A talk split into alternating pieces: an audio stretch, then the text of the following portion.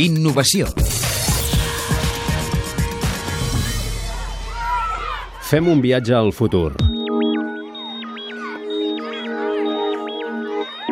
Situem-nos en un matí de diumenge en un parc. Un nen hi juga. El seu pare l'observa des de la distància, assegut en un banc. Una imatge que ara pot semblar actual, però la diferència està en el banc on seu aquest pare. És un banc diferent dels que hi ha ara.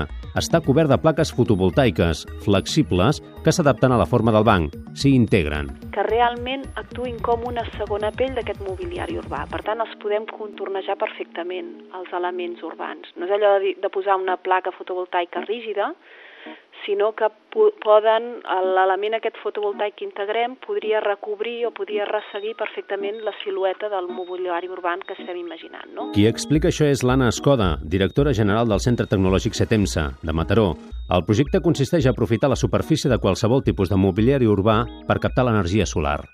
Mira, a nivell pràctic podríem estar pensant en marquesines, de, per exemple, d'autobusos o així, amb fotovoltaic integrat en les cobertes, o, per què no, eh, seients, bancs, etc, que en les superfícies que queden més exposades al sol poguéssim integrar-hi una segona pell que fos aquest fotovoltaic flexible que a la vegada ens permetés doncs, generar una font d'energia coajudant per, aquest, per, per aquesta xarxa de, de sensors que estaran per tota la, la ciutat.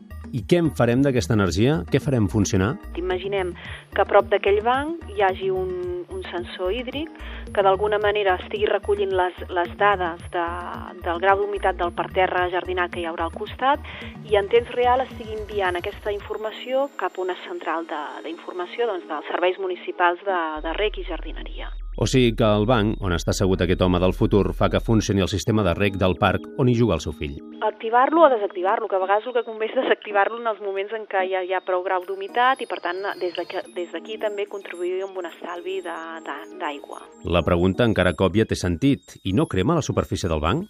No, quan està en, eh, quan està en funció d'absorció de- d'energia, no, tampoc agafa una temperatura excessiva, o sigui, aquest no seria un problema. I encara una pregunta més. En quin any aquesta escena del pare, el nen i el banc ultramodern serà una realitat? Tenim una empresa tractora del davant, o sigui, totes les recerques que es fan als centres tecnològics sempre es fa en coordinació amb el sector empresarial i en aquest cas mm, estem treballant amb, amb fomento de construccions i contractes. Això vol dir que tota la recerca que s'està fent a l'entorn d'aquest projecte té una vocació molt clara d'arribar a mercat, ja et dic, amb un termini màxim de, de 40 mesos.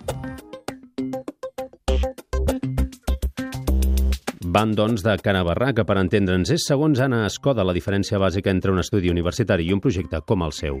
La recerca industrial sempre es fa en coordinació amb, un, amb una empresa o amb el sector industrial i el que ens permet, a diferència de la recerca bàsica que es pot fer més en un entorn universitari, és estar treballant per desenvolupaments que tenen un horitzó a mercat molt clar, molt determinat. El projecte, doncs, implica a Setemsa, l'empresa Fomento de Construcciones i Contrates, i té un pressupost d'1.300.000 euros i el suport del Ministeri d'Economia i Competitivitat i també de la Unió Europea.